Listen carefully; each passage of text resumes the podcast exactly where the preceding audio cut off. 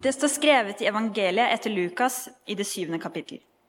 En av fariseerne innbød Jesus til å spise hos seg. Og han gikk inn i fariseernes hus og tok plass ved bordet. Nå var det en kvinne der i byen som levde et syndefullt liv. Da hun fikk vite at Jesus lå til bords i fariseernes hus, kom hun dit med en alabaskrukke med fin salve. Hun stilte seg bak Jesus nede ved føttene og gråt. Så begynte hun å fukte føttene hans med tårene og tørket dem med håret sitt. Hun kysset føttene hans og smurte dem med salven. Da fariseeren som hadde innbudt ham, så det, tenkte han med seg selv. Var denne mannen en profet, vil han vite hva slags kvinne det er som rører ved ham, at hun fører et syndefullt liv. Da tok Jesus til orde. Simon, sa han til fariseeren, jeg har noe å si deg. Si det, mester, svarte han. Jesus sa, to menn hadde gjeld hos en pengeutlåner. Den ene skyldte 500 denarer, den andre 50. Men da de ikke hadde noe å betale med, etterga han dem begge gjelden. Hvem av dem ville da holde mest av ham? Simon svarte, den han etterga mest, tenker jeg. Du har rett, sa Jesus. Så vendte han seg mot kvinnen og sa til Simon, ser du denne kvinnen? Jeg kom inn i ditt hus.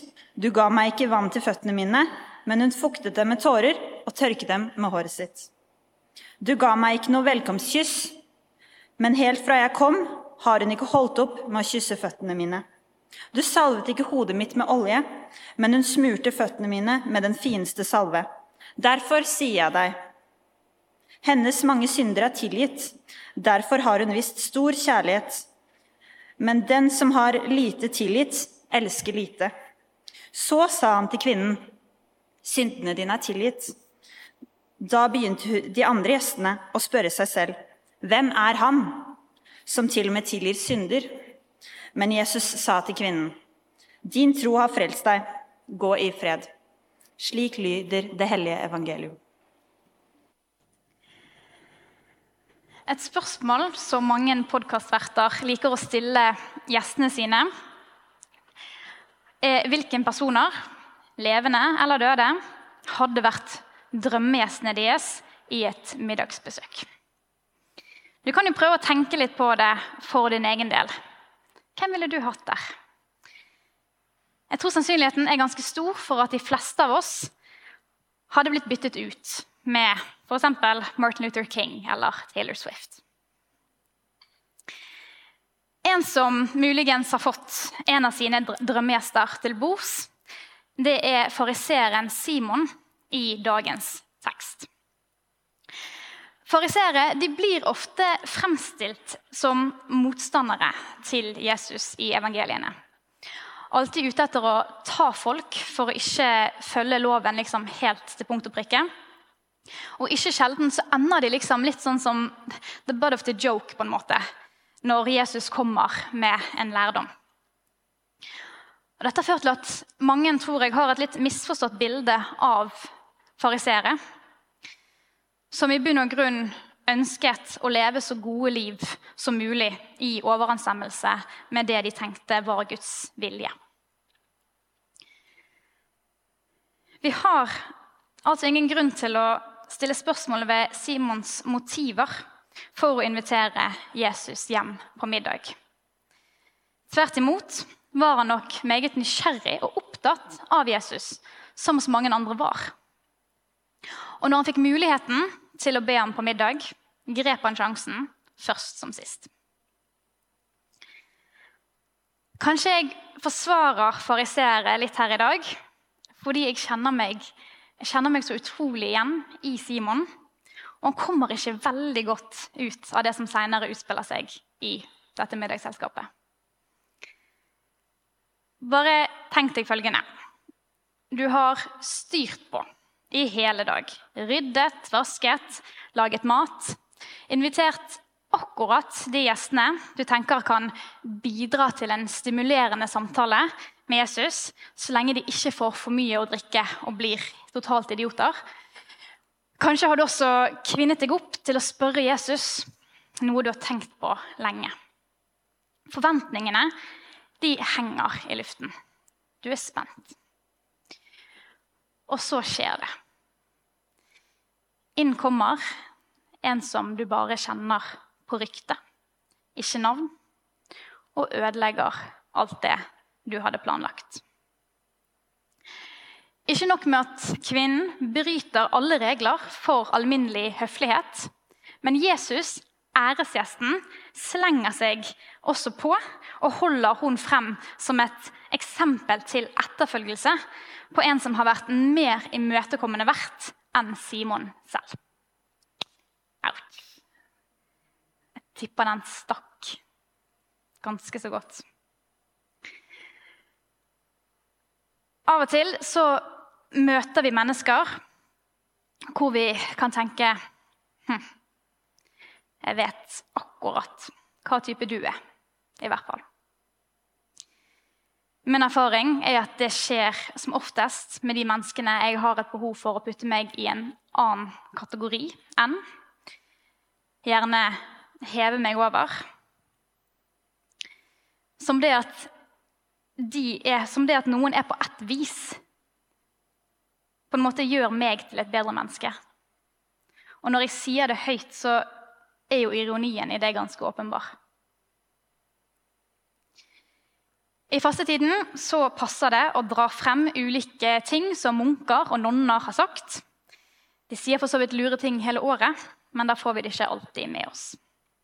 Forrige uke snakket Øyvind Rudolf om Sankt Benedikt, som grunnla munkevesenet, og lagde noen gode regler eh, å leve livet etter. En av hans mange etterfølgere, benediktinernonnen Mary Konaki, som døde i fjor, skal ha sagt følgende det finnes ingen du ikke kan elske dersom du har hørt historien deres. Fariseeren Simon sliter skikkelig med å elske, ja, i det hele tatt godta, denne kvinnen som plutselig dukker opp hjemme hos ham.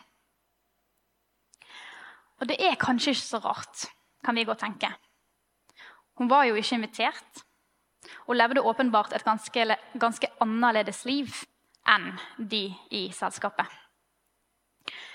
Men for Jesus så er det utenkelig.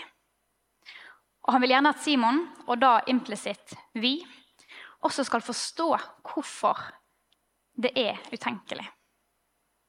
Derfor drar han frem denne minilignelsen om disse to mennene som hadde gjeld hos en pengeinnlåner.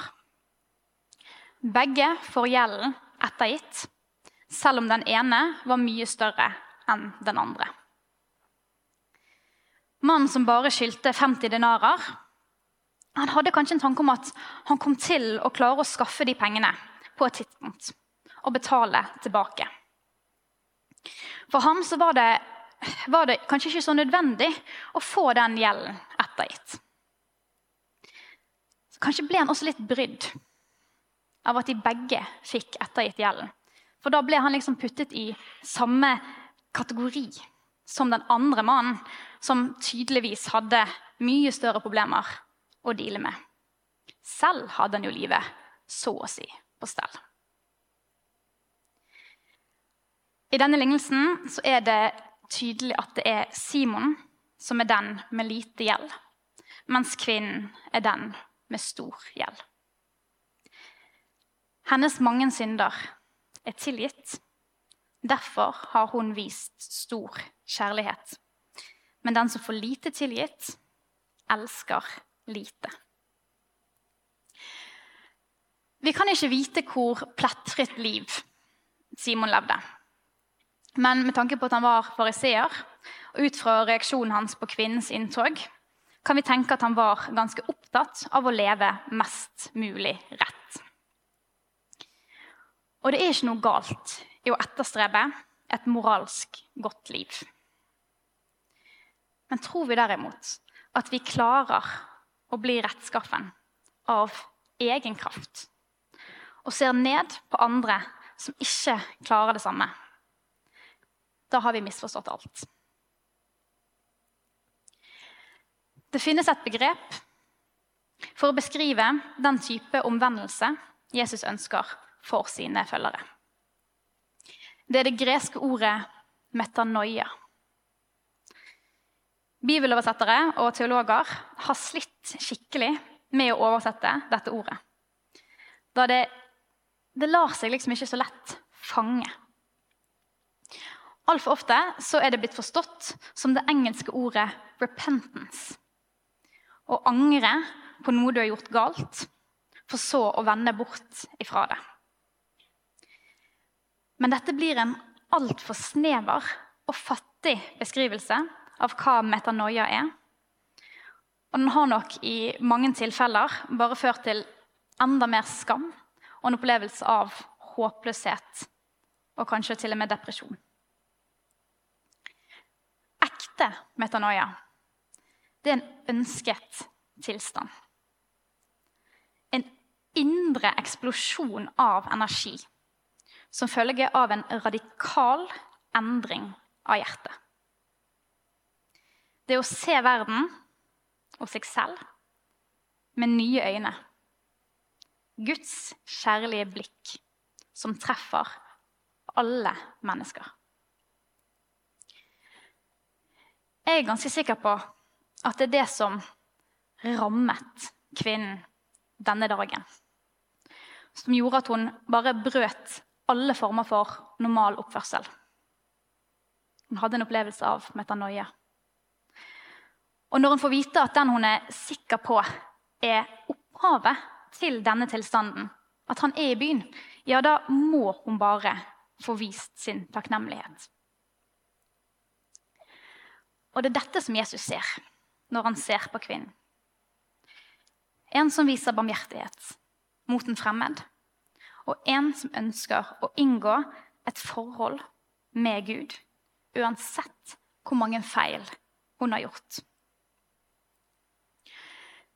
Tilgivelse det er å snu oss vekk ifra og vende tilbake til en Gud som elsker oss uansett hva og som ser på oss og sier Jeg vet akkurat hvilken type person du er. Du er mitt barn. Skapt, ønsket og elsket. Alt dette har kvinnen forstått. Men Simon han ser det enda ikke. Og det er mulig å tenke at det er lettere for kvinnen enn for Simon. Den som har mye, tar ofte mye for gitt. Men Jesus ser med det kjærlige blikket også på Simon og utfordrer han i møte med denne kvinnen. Ser du henne, Simon? Ser du virkelig hun som er foran deg? Hennes ydmykhet, sårbarhet, sjenerøsitet total hengivenhet og tillit. Ofte er vi mer opptatt av å lete etter andres feil, heller enn å se dem med det blikket Gud ser alle mennesker med. Det vi da oppdager, det er et ord på engelsk som ikke så lett lar seg oversette til norsk, som har opptatt meg litt i det siste, etter å ha lest en del av den katolske presten Henry Nowen. Dette ordet er 'beloved'. Og det beskriver tilstanden vi alle er i til enhver tid. Men en av de største utfordringene vi mennesker har, det er å oppdage denne tilstanden. Både for vår egen del, men også for andres del. Sett i sammenheng med metanoia kan vi si at det som driver frem metanoia, det er oppdagelsen av vår belovedness. I motsetning til det mange ofte kan tenke, så er ikke metanoia en engangshendelse, men en daglig øvelse i å lete etter egen og andres belovedness. Det finnes ingen du ikke kan elske dersom du har hørt historien deres. Vi får ikke alltid muligheten til å høre andres historier. Noen ganger bare ramler de inn døren midt i middagsselskapet. Men har vi oppdaget denne tilstanden av belovedness hos oss selv, er det enklere å se den også i andre og tilby dem en plass rundt bordet. Ære være Faderen, Sønnen og Den hellige ånd, som var, er og være skal. En sann Gud fra evighet til evighet. Amen.